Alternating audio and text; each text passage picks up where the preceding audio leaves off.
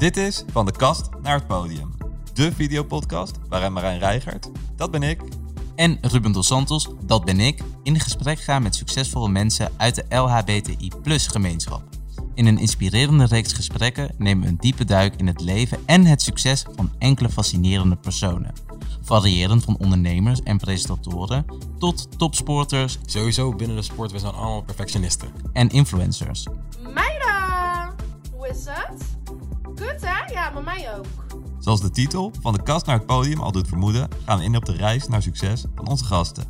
We spreken niet alleen over hun hoogtepunten, maar ook over de hobbels die zij op hun weg hebben ervaren. Hebben zij bijvoorbeeld obstakels ervaren vanwege hun identiteit? Of heeft het omarmen van hun ware zelf bijgedragen aan hun succes? In welke mate heeft het alles invloed gehad op hun mentale gezondheid? En welke waardevolle lessen kunnen zowel mensen binnen als buiten de gemeenschap hier uithalen? Een aantal van de bijzondere gasten die op deze vragen ingaan zijn drag queen en pride-ambassadeur Angie Peru, operazangeres Francis van Broekhuizen, Ik ben eh, Francis van Broekhuizen. voormalig tophockeyster Maartje Pauwme, COC-voorzitter Astrid Ozenburg en presentator Harm Edens. Dit was, dit was het nieuws. Mis geen enkele aflevering van Van de Kast naar het Podium en abonneer je op onze podcast via jouw favoriete podcastplatform.